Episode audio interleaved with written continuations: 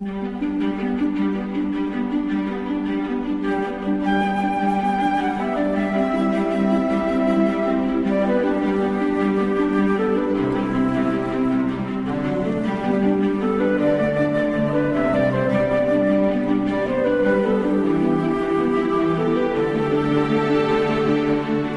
arribats a aquesta hora del matí, eh, que és una hora, com sabeu, entre intempestiva i plàcida, del primer diumenge del mes de desembre, intempestiva per tots aquells que tot just esteu tornant a casa de fer el que hagueu de fer, sigui oci o sigui feina, i plàcida per aquells que just esteu obrint els ulls i penseu, mira, ja és un diumenge que, que s'obre davant nostre. És aquell moment que aprofiteu per desplaçar-nos a un carreró empedrat d'una ciutat que no han volgut revelar mai exactament on és, al final del qual hi ha un edifici sense massa pretensions ni, ni gaire cridaner darrere de la porta del qual s'hi amaga una pila de meravelles. Allò és el basar de les sorpreses i a la porta sempre expectant l'Albert Berlegui. Com estàs, Albert? Bon dia. Bon dia, Xavi, com estàs? Bé, com home, bé, bé, bé. Ha anat bé Sí? la setmana, sí? Bé, força bé, i tant. Perdona, I tu? tu, tu quan muntes... Tot el tema nadalenc, quan ho muntes? Ara ja ho tens fet o és en el pont? A veure, oficialment és el pont, correcte? Ja, sí, això sí, la Eh, setmana que ve. dies... Eh, ah, això mateix, la setmana que ve. El que passa que eh, jo diria que com que ja fa dies que estem avançant el tema amb Ja, els ja, nanos, ja, ja. i com que ja eh, el tema del, de la presentació dels llums de Nadal ja va tenir lloc ja fa dies Sí. a Sabadell, doncs clar, estem tots imbuïts per un esperit nadalenc, i em sembla que demà dilluns, o com a molt tard el dimarts, Ja ja, esteu, comencem a ja treure esteu. l'arbre i a fer tota l'escudella que hi ha que amb el de muntatge veritat. de tot Però que, eh, o sigui, Bueno, ho tenim molt a prop, però encara està lluny. Vull dir, Sí, jo una mica queda de, molt lluny, una mica sí, de sí, calma. sí. O sigui, veig una mena de, Sí. De tensió des de fa ja ben bé 15 dies que, noi, eh, Bueno, calmem-nos. Des de, que va, des de que va acabar el Halloween, no Sí, ens sí, enganyem, sí, vull dir sí, que estem sí, amb el sí. Nadal des de que va... Però jo, el, el tema del muntatge a Nadal és un, és un de, dels fets que més m'agrada mirar el Nadal, Mhm. perquè, eh, clar, els nanos estan, evidentment, superil·lusionats, perquè, clar, és treure tot el... Nosaltres tenim un arbre de plàstic de fa una pila d'anys, Sí. que, a més, el decorem molt i tot això, i llavors, clar, el ritual de treure l'arbre, compte, no es faci malbé, compte Sí, sí, les sí, branques sí, i tot sí, això, i, clar, és un arbre que, a més, ha sigut el mut testimoni dels últims que jo, gairebé 10 Nadals de la nostra vida. Mm-hmm. I clar, és com si hi hagués una petita càmera dintre de l'arbre i pogués filmar, diguem-ne, petits trossets de, de cada any, clar, se n'adonaria de com han anat canviant les coses, de com primer nosaltres, eh, l'Elisabet i jo, després eh, el Marcel, després el Genís, vull dir que, clar, en el fons, clar, el Nadal no deixa de ser una recopilació de records, Exactament. alguns dels més afortunats de tota la nostra vida, i per tant, bueno, és un acte d'un cert simbolisme, no? Per, per què negar-ho? La transcendència ve del ritual. Eh, És, és, la, Ah, és la repetició el que el converteix en especial, no? I, Mhm. Tu també o què? Tu també- Sí, jo, jo encara no m'hi he posat, però ens hi posarem aviat, eh? Perquè és Aviat, que si no... no? Sí. eh, O sigui, la tensió serà Te'l insuportable. recla O sigui te- te'l reclamen ja al, Sí, sí, la- sí, sí, que a veure si ja muntem la sí. casa i ja està tot bueno, tremendo. Bé, eh, anem, bé. anem a llegir cartes Sí, sí. amb les que ja ens hagin arribat, eh, Mira, algunes de les que eh, tenim per aquí, va. Una primera carta que ens arriba... Bueno, de fet és una postal que ens arriba, atenció, des de Nàpoli. La Home. Chiesa dei Camini con sul sfondo il Vesuvio. És a dir, és una postal amb un dibuix que, eh, efectivament, al fons es veu a la muntanya del Vesuvi i aquí a primer pla, doncs, la Chiesa del Carmine, perdó, he dit Camine, no, la Chiesa del Carmine, amb el fons del, del Vesuvi. I ens la remet una tal Laura Arenas, eh, que podem llegir el següent, fa molt temps que us volia escriure, però per una cosa o altra sempre se m'oblidava.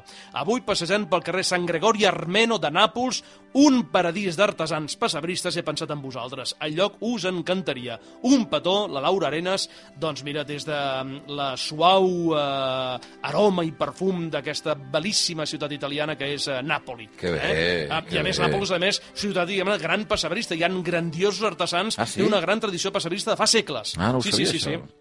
Que I un dels pessebres que tinc a casa, precisament, són un que em va regalar els meus pares eh, de Nàpols i que és un pessebre maquíssim, eh? molt realista, molt maco, molt preciós, eh? Vull dir que... Bueno, de, la, doncs mira, aquí la, teníem la... la teva debilitat per Itàlia, que és ben àmpliament Sí. coneguda, eh, Sí, recau sí. també en aquest Nàpols descontrolat, caòtic, però també eh, fas- Fascinant. fascinant, efectivament. Va, anem-hi. Mira, i la segona carta ens arriba des d'Esplugues de Llobregat, ens l'envia una tal Lídia Martínez i Bofill, i de dins extraiem doncs, eh, un full eh, que podem llegir el següent. Dilluns 13 de novembre del 2023, benvolgut Xavi Albert, ens sentia engegat de nou el pluricocat, m'atreveixo a escriure-us. Aquest és el segon cop. Us escolto cada diumenge mentre practico la lletra i la paraula del diumenge passat, la M de mandra. Serveixi aquesta carta per fer-vos unes recomanacions i exposicions variades d'algunes de les meves aficions i que comencen amb les lletres que heu emprat el mes d'octubre. A l'1 d'octubre, la A. Llibre, a casa tenim un himne, de Maria Climent. El 7 d'octubre, la C, la C de cosir. M'agrada patchwork i fer eines, eh, i fer nines, perdó, i fer nines, i sobretot m'agrada regalar el que faig. 15 d'octubre, la C, la C de Carlit, muntanya que em recorda la por i la mullena que vàrem agafar en desencadenar-se una forta tempesta a la baixada. I el 29 d'octubre, la G, la G de gambes a la llet, o amb paella o amb fideuà, que són deliciosos de cuinar i, sobretot, de cruspir. Que bo. No deixeu de fer-me companyia i de eh, culturitzar-me en aquesta època de diumenge, on els badalls i els estiraments de cames i braços són el preàmbul d'una dutxa i un bon esmorzar. Una abraçada, doncs, la Lídia Martínez des d'Esplugues de Llobregat. Oi, que bé, el, mira els esmorzars de diumenge, quina cosa, Que eh? sí? Oi, Oi, oi, que bé, oi, eh? oi, Sí, oi, sí, oi, sí, sí, sí, sí. Bé, eh, agraïment, evidentment, a la Laura, a la Lídia, a tots els oients que ens continuen escrivint eh, i que esperen aquesta molèstia. Eh, ja, ja us vam dir la setmana passada que si voleu fer-nos arribar postals nadalenques, doncs, eh, evidentment, ho, teniu, ho, tenim present. El, el compromís és el mateix de sempre. Llegirem totes les cartes i les respondrem una per una. L'adreça és la mateixa immutable de sempre, el Basar de les Sorpreses, Avinguda Diagonal 477, planta número 15, codi postal 08036 de Barcelona. Va, anem avançant, que si no farem tard. Uh, aquí tenim Correcte. el Berlegui Express. Hi ha bandereta... No la veig. Ara, ara, ara, ara. Sí. Home, Mira. perdona, però si és la mateixa de la setmana passada Sí. que no l'has treta. Bueno, sí, no, no. No, no és que no l'hagi treta. home. És que anem al mateix lloc, anem al mateix lloc. Però anem al a Itàlia, mateix lloc? també. Sí. Ah, però no al mateix no, lloc, No, eh? al mateix lloc no. Anem, home, Itàlia és molt gran, uh, uh, tot i que avui anem molt més cap al sud, anem a Sí. Roma concretament, amb una bonica població de poc més de 5.000 habitants, anomenada Trevignano Romano, perquè so que hi ha un altre Trevignano, que està al Veneto, és a dir, que està més al nord, i aquesta és la Trevignano Romano. És, eh, bé, com, com a tot municipi italià, els seus orígens són antiquíssims, se situen als vols al segle VIII, quan hi havia la civilització etrusca. A veure, és un petit poble encantador que encara conserva les restes d'un castell i que està situada a la vora d'un llac, del, del, del llac Bracciano. Llac Bracciano, no el conec. Sí. Pa, i, I anem cap allà, per què? Sí, mira, perquè des de fa 5 anys, el dia 3 de cada mes, és a dir, avui, que estem a 3 de desembre, Sí. centenars de persones d'arreu del país se'n van a un turó que hi ha a la zona per contemplar un suposat miracle. Ah, El que viu en primera persona, Giselle Lacardia, que assegura entrar en èxtasi i transmet els missatges de la Mare de Déu. hosti. Anuncia fets apocalíptics que prediuen conflictes bèl·lics, fam, desastres naturals... A veure, a veure... Poder hi ha més pa que formatge aquí, Home, eh? una Perquè miqueta. tot i que sembla que a l'evident aquesta se li ha acabat veient el lleutó, al darrere hi ha tota una història, diguem-ne, que té un Oh, punt però jo la vull veure. Jo la vull veure. Sí, doncs mira, doncs mira, ara mateix, perquè per això hem, per això hem esperat Ah, ah. el dia 3. Va. Coneguem-ne els detalls. Estàs a punt? Sí. Doncs apa, anem a veure a la Gisela Càrdia. Però quina pinta té, veu, Regui? Bueno, ara ho Ja ara ho- veuràs, ja veuràs. No, no, és que a més anem a primera fila, eh? Vull- Bueno, Va. primera fila no, però ja ho veuràs. Sí, sí, sí. Oggi la Madonna era molto felice per questa giornata e, e queste sono le sue parole. E a proposito, per molti che mi chiedono ma come era vestita la Madonna? Era vestita di bianco, aveva una fascia azzurra con tante stelle Saps que m'imaginava, eh, Què? Veurlegui, que anava sent, eh, que ho feia viva veu, o sigui, s'hi ha posat micròfon, o sigui, això està Sí, treballat sí. ja, No, eh? Però tu vist la gent que hi ha al darrere? No, no, no, és, fort, és fortíssim, això, eh? No, i és que... Sí, Aquella sí. d'allà és la Gisela. Aquella de... Sí, sí, la que està parlant ara aquí. Eh? Uh, de fet, ara com acaba de començar, uh, a veure, perquè una mica els oients se situïn, Sí. estem en un petit promontori uh, on s'ha improvisat, jo diria que en molt poc temps, una mena de santuari. Sí, sí, aquí sí. hi veus figures de verges, de sants... Um, ara mateix ha començat aquesta mena de pregó, um, on qui parla és aquesta, precisament, Gisela Càrdia, que aquí la tens, és una Sí. dona doncs, d'uns 50 anys, Sí, més o menys, rossa, llargs, no? en rossa. Sí, sí. Uh, té, mira, si vols escoltar una mica, a veure què diu. Jo no sé italià, eh? Bueno, che un ci sono cuore questi. nuovo, Sì, ma molto. nuova. Figli, oggi io sarò incoronata davanti a voi e davanti al mondo, ancora una volta, regina. Però què li, què li passa a aquesta senyora? Que, o sigui, Bueno, a veure, tot, mira, tot va començar... A veure, vine una mica més cap aquí, perquè Sí, si no... Mira, tot mica. va començar fa uns quants anys, el a més, ens entenen, 2016. a italià ens entenen molt bé, eh? perquè és- Sí, tenim paraules sí. que no... Vull dir que no Correcte. podem... Quan vagis No. a Itàlia, no ragis, o Sí. sigui, perquè s'entén. No, jo mai ho faig, eh? No, ja, ja, ja. guart, eh? Sí, sí. Qua, tot va començar el 2016, quan va viatjar, aquesta, aquesta Gisela va viatjar a Bòsnia-Herzegovina Mhm. a visitar un santuari d'una Mare de Déu. Va comprar una estàtua en una botiga de records i de tornada a Itàlia, aquesta va començar a plorar llàgrimes de sang. El què, l'estàtua? l'estàtua. Hosti. I li van sortir estigmes a les mans. Apa. Però, a veure, es veu que no va ser l'únic miracle. Es veu que, a poc temps després, aquesta Mare Déu va repetir el miracle de Jesús dels pans i els peixos. Però, diguem, amb una versió una mica de sainet, a la italiana, i amb tot el que suposa, perquè davant d'una multitud que s'havia congregat a casa seva i com que només tenien les restes d'una pizza petita de fungui, Va, és va. a dir, de xampinyons, en van començar a repartir i el miracle s'ha produït perquè per molt que en menjaven no s'acabava mai aquesta pizza. A veure, El miracle dels pans i els peixos és el miracle de la pizza de fungui. de va, la va, pizza va. de fungui, eh? Va, tira. A veure, no cal, no cal dir que l'Església, evidentment, s'ha mostrat molt escèptica, Sí, sí. entre altres coses, perquè, a veure, aquesta evident ja hauria ensarronat a diverses Ah, persones. amiga. La sang de la verge, això que era en realitat sang de porc.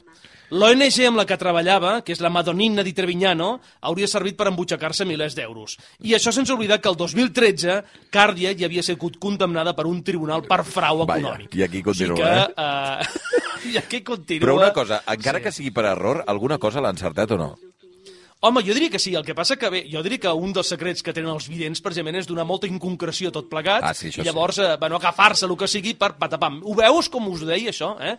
Quan es fan eh, quan es parla del, dels crèdits eh, d'algun vident o d'algun endeví, Sí, sí. sempre es diu el que s'ha encertat, però mai el que ha d'encertar. No. I aquest poder és el secret, eh? A veure, a mi tota aquesta història tan esperpèntica eh, m'ha agradat i ens inspira per dedicar un nou basar de les sorpreses, el que serà el número 328 que consagrarem a la lletra B baixa, la B baixa d'evident. A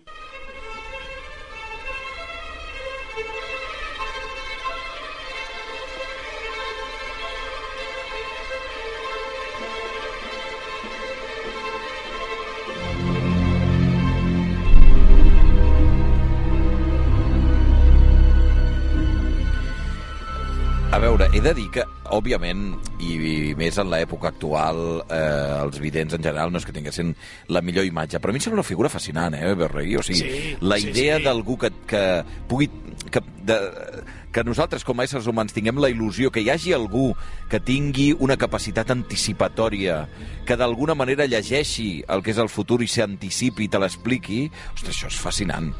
Mhm. Bé, perquè en el fons jo suposo que parteix d'un principi, diguem-ne, com molt humà, davant de la incertesa, Ara. la volatilitat, la fragilitat, la inseguretat de la vida, perquè en el fons estem aquí de lloguer i tots són quatre dies, davant d'això, què millor que hi hagi algú que digui no, no, et passarà això o el món viurà aquests esdeveniments, no? I bé, en d'altres basars ja hem tocat temes semblants, tot i que no és el mateix, en el seu moment vam fer la P de profecia, la F de frau, la E d'endevinalla, però no havíem tocat mai aquest tema, aquesta suposada capacitat que diuen que tenen algunes persones d'obtenir informació sobre un objecte, sobre una persona, sobre un lloc o un esdeveniment físic a través de la percepció extrasensorial. Uh, a veure, no cal dir que les afirmacions sobre l'existència d'habilitats paranormals no han estat mai recolzades per la comunitat científica. I encara que al basar, òbviament, estem per denunciar qualsevol frau a persones excessivament crèdules, Sí.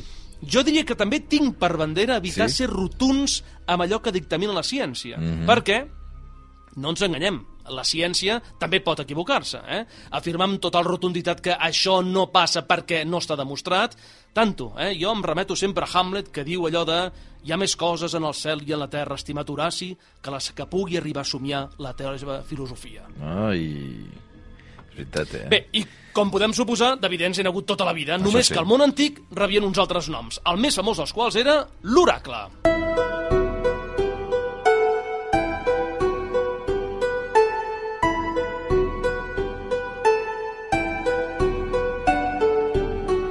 Entrem en el terreny de la mitologia, per tant, eh, grega, i en aquest cas a, a través d'una figura, la de l'oracle, que no sé si té consideració Albert de semideu o pseudodeu, eh, o és un enviat, o què és exactament un oracle? No, no, no, no. Uh, uns oracles, ara ho direm, eh? L'oracle és la resposta que els déus donaven als homes a través d'uns mitjancers. Ahà, I aquests mitjancers no eren, no eren déus ni semideus, eren, eren humans. El que passa que eren sacerdots, eren pitonisses, paraula llatina que vol dir dona que endevina el futur, o sibiles, paraula Oh. grega que vol dir profeta del món antic. Eh?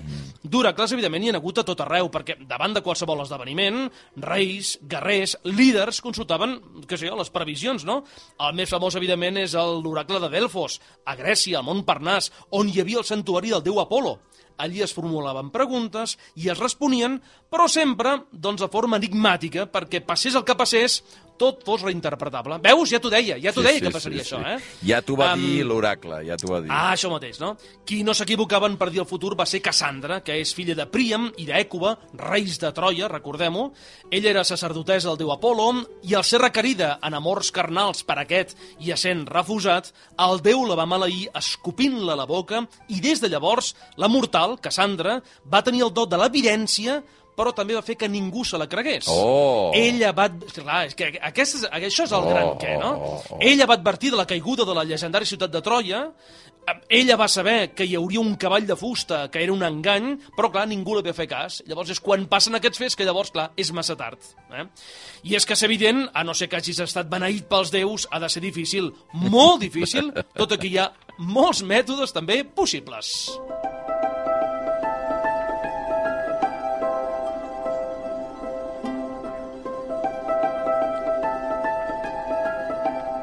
Bé, Orlegui, has vist algun vident en acció? Alguna vegada? No, home, no, home el, no compta el, el Sandro Rey a la televisió, no? No, no a la tele, o sigui, anar físicament en algun lloc o passar per davant d'algun lloc d'algú que està fent eh, algun, eh, alguna feina endevinatòria, que no sigui un, un show, per entendre'ns, eh, de circ, eh? No, home, on jo em sembla que s'acostumen a veure és els mercats medievals. Saps aquests mercats medievals Ah, sí? que ara hi ha de tot? Doncs Ah, sí. acostuma a haver-hi sempre també alguna figura de llançador de cartes o... Um, però és evident que des dels inicis dels temps s'han utilitzat un sens fi de mètodes per intentar preveure el futur. De les moltíssimes que podien enumerar, i una mica raretes, eh, diguem-ne, maneres, doncs home, hi haurà la hidromància, que és veure el futur a través de l'aigua, la tasomància, que és a través del pòsit del teu al cafè, Ah, que sí. també fa uns quants anys es va posar molt de moda, la capnomància, és a dir, a través del fum, la onicomància a través de les ungles, Ai. la cleidomància a través de les claus, i no, i és que hi ha coses molt rares, de veritat, eh? L'osteomància a través dels ossos... Bueno, aquesta, Ah, ah, perdona, a través dels ossos, ossos eh, físics o que et toquin Ossos. una mica l'os i diguin... No, no, no, o, Ah. no, no, ossos físics. Ah, tu has val, vist val. Willow? Si has vist la pel·lícula Ah, Willow... no, no he vist Willow, no. tens raó. Doncs Willow parla, pendent. doncs, eh, el, el mago del d'allò eh, diu los huesos han hablado, i és, eh, utilitza la- l'osteomància. I sense oblidar que n'hi ha dos que, evidentment, que són molt populars, com són la oniromància a través dels somnis, eh? Um, si somies una tortuga vol dir que... Eh? Sí, sí, sí, sí. O l'astrologia, que és a través de les estrelles, que, malgrat la refutació constant de la ciència, la gent, per entendre'ns, encara, encara hi creu. Jo diria, No però, existeix que... la, la cleptomància? La, cle- la clepto... Ah, mira! Seria la L'art de, manera, no? de robar, no? Vull dir que... L'art de... Jo veig el futur a canvi de rumb. Sí, és que, Bueno, noi, va. és que dius... Bueno, va. va. De totes maneres, jo diria que si hi ha un objecte que forma part indissoluble d'un vident, aquest ha de ser, sens dubte, una bola de vidre.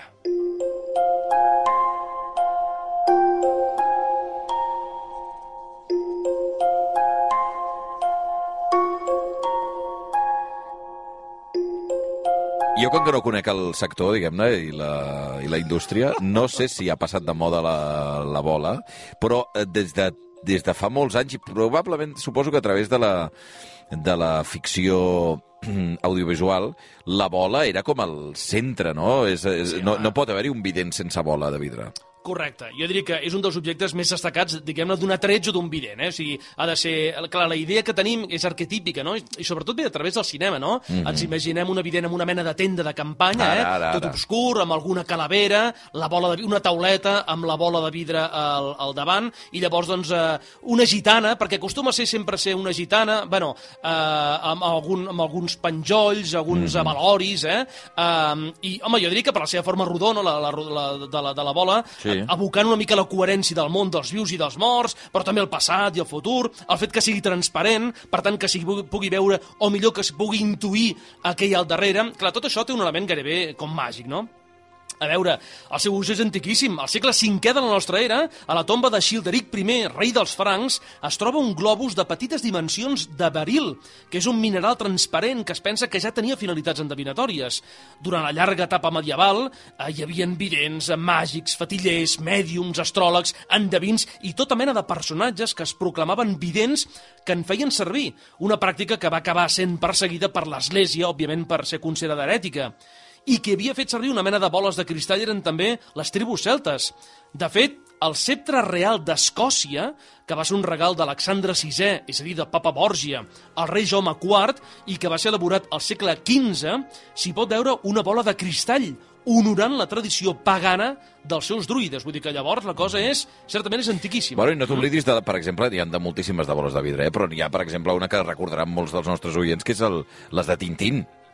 Correcte, evidentment, les set boles de cristall, un dels, eh, de les aventures que més, més, més por em feia. Oi, oi, perquè, Sí, perquè és aquella, és aquell, aquella... Ostres, és aquella... Si no recordo malament ara, eh? És aquella escena en què el Tintín té un malson i s'acosta el- aquella mena de mòmia eh, dels maies, del Rascarcapac, em sembla que és, i llavors la llança eh, sobre ell. Sí. A mi és una, és una... O sigui, quan era petit passava que aquestes dues pas- les passava, diguem-ne, sense veure-les, perquè feia molta por.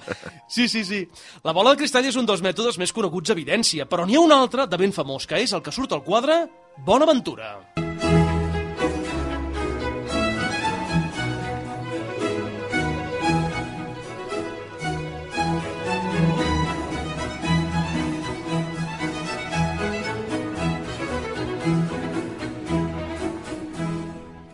Ara penjarem el quadre per aquella gent que no el conegui, és un quadre de, de Caravaggio, no? Correcte, efectivament, és un dels més famosos pintors italians que va viure a cavall entre els segles eh, XVI i XVII, l'obra del qual, amb una observació realista del cos humà i un ús magnífic de la llum, va acabar influint en el barroc posterior. Encara avui resulta enlluernador la seva obra, gairebé impactant per la cruesa d'algunes de les seves pintures. Només cal veure el cap de Medusa, per entendre'ns, no? Mm. Bé, doncs, del quadre aquest de Bonaventura hi ha dues versions, realitzades en dos anys consecutius, el 1594 i el 1595, i en ell s'hi veu un jove que per la seva indumentària podríem pensar que té un punt eixelebrat, un punt liró fins i tot, a qui llegeix la mà una gitana mentre sembla que aquesta li treu l'anell de la mà. Uh, és a dir, mentre li llegeix la Bonaventura, sí, jo veig que algú ho trobarà ben aviat, eh? Doncs patapam. L'obra té un punt moralitzant, de no refiar-se, evidentment, dels xarlatans, però també retrata, evidentment, una escena com molt quotidiana. Es diu que la gitana del quadre estava basada en una dona que efectivament llegia les cartes i les mans, però de la qual no ens ha arribat ni el seu nom. I això és una cosa fascinant que tenen els quadres antics, no? Possiblement l'únic testimoni que queda en aquest món de la vida d'una persona que aquest- d'aquesta d'aquesta senyora que va servir de model va ser doncs, aquest quadre d'en Caravaggio. Uh, I no sabem, evidentment, el seu nom. En canvi, n'hi ha vidents molt cèlebres. Coneguem tres de ben cèlebres.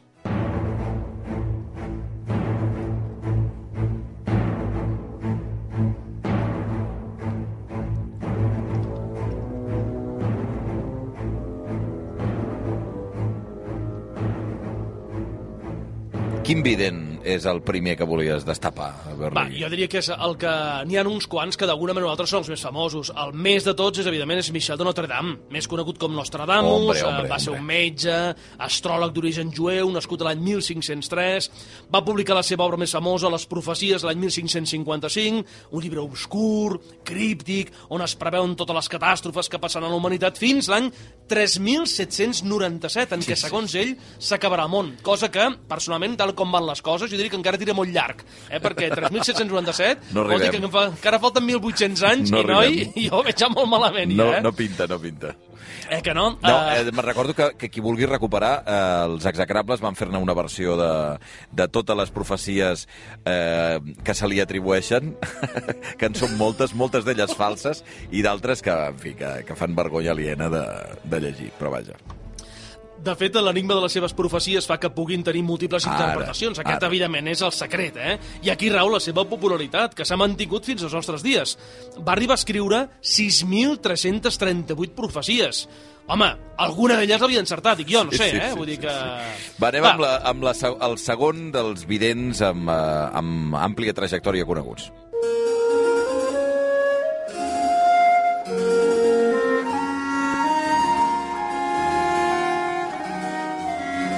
Després de Nostradamus, qui?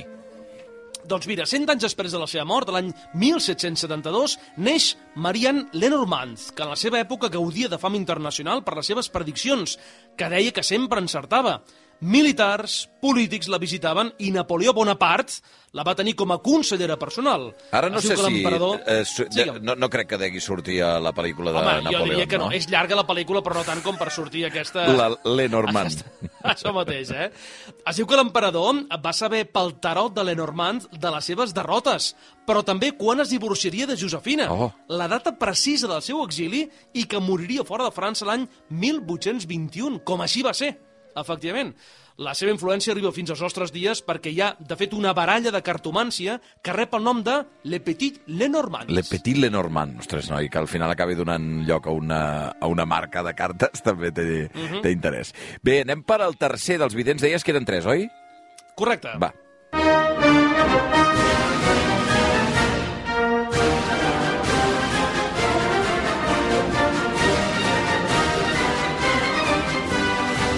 Que hem creuat l'Atlàntic, Berlegui. Doncs sí, és molt sutil aquesta música, Sí, eh? sí, Vull sí, dir que... Ara marxem breument a la Nord-Amèrica del segle XX, perquè, a veure, això podríem pensar que això dels vidents és molt propi, diguem-ne, d'èpoques passades, Sí. però res d'això. Molts governants, molts dirigents i molts caps d'estat d'avui en dia Ah, sí? en continuen tenint de vidents. En part per allò que dèiem, no? El poder és insegur, necessita de no només legitimar-se, sinó tenir una mínima certesa que està fent el correcte. Un dels presidents dels Estats Units que va tenir un evident va ser Ronald Reagan, i es tractava de John Kigley, que va estar al servei de la Casa Blanca fins que va plegar Reagan a l'any 1988 i que, segons es diu, va aprovar totes les decisions més o menys importants que es prenien. Oi, oi, oi, oi, oi. Què et sembla, això? Increïble, eh? O sigui, Eh el, sí? el president de la potència més gran del món en mans d'una d'una evident, eh? Impressionant. Sí, eh? sí, sí, sí, sí, sí. Bueno, i el que no sabem, eh, Xavi? I el que No, no sabem, ui, eh? ui, ui. Uh, com tothom sap, abans de ser president va ser actor de cinema, en Ronald Reagan, no massa distingit, però actor de cinema. Mhm. I ja que estem en pel·lícules, acabem amb un evident, la de l'última pel·lícula, precisament, d'Alfred Hitchcock, La trama. I see. I see a name strangely familiar. I see. I see a title. The implication is quite grave. Never liked them multiple funerals. Cemeteries make my bones rattle. Let us leave these losers and find a winner. No sé si havia Beorlegui ja fet... Eh, ja havia fet servir, no, vidents, o havien aparegut alguns vidents a les pel·lícules de Hitchcock. Ostres, ara, ara m'has mort, ara. Uh, jo no en recordo No, cap eh? de vident, només a l'última pel·lícula, La trama. Val. Que, a veure, de fet, aquest tràiler que estem Ara escoltant és ell mateix. li preguntaré al Blai a veure si Home, recorda Blai, algun altre. Sí, que sí, és sí. l'IMDB portàtil, per entendre'ns, uh, t'ho pot, uh, pot Sí, dir. sí, sí. Uh, el tràiler aquest escoltàvem el propi Alfred Hitchcock, el propi mestre del suspens, que ens presentava els personatges d'aquesta comèdia policíaca, amb Karen Black, a Bruce Dern, a William Devane, i que, a veure, no és que tanqui brillantment la carrera de Hitchcock, però va, diguem que es deixa veure, eh? Per aquell que la vulgui recuperar, eh, es pot trobar a Filmin, i és de l'any 1976. Em diuen, pel·lícula de Hitchcock. em diuen Sí. pel pinganillo, que en diuen, o sigui, per l'orellera, que 39 escalones hi apareix un vident. Pot ser? Ah, tens raó, tens raó. Mira, veus? Ostres, Veus? no el recordava ara, però, però Veus? sí, també és, un, també és un vident d'aquests de pega, si no recordo malament. Però clar, és que tampoc Sí. ho tinc ara massa,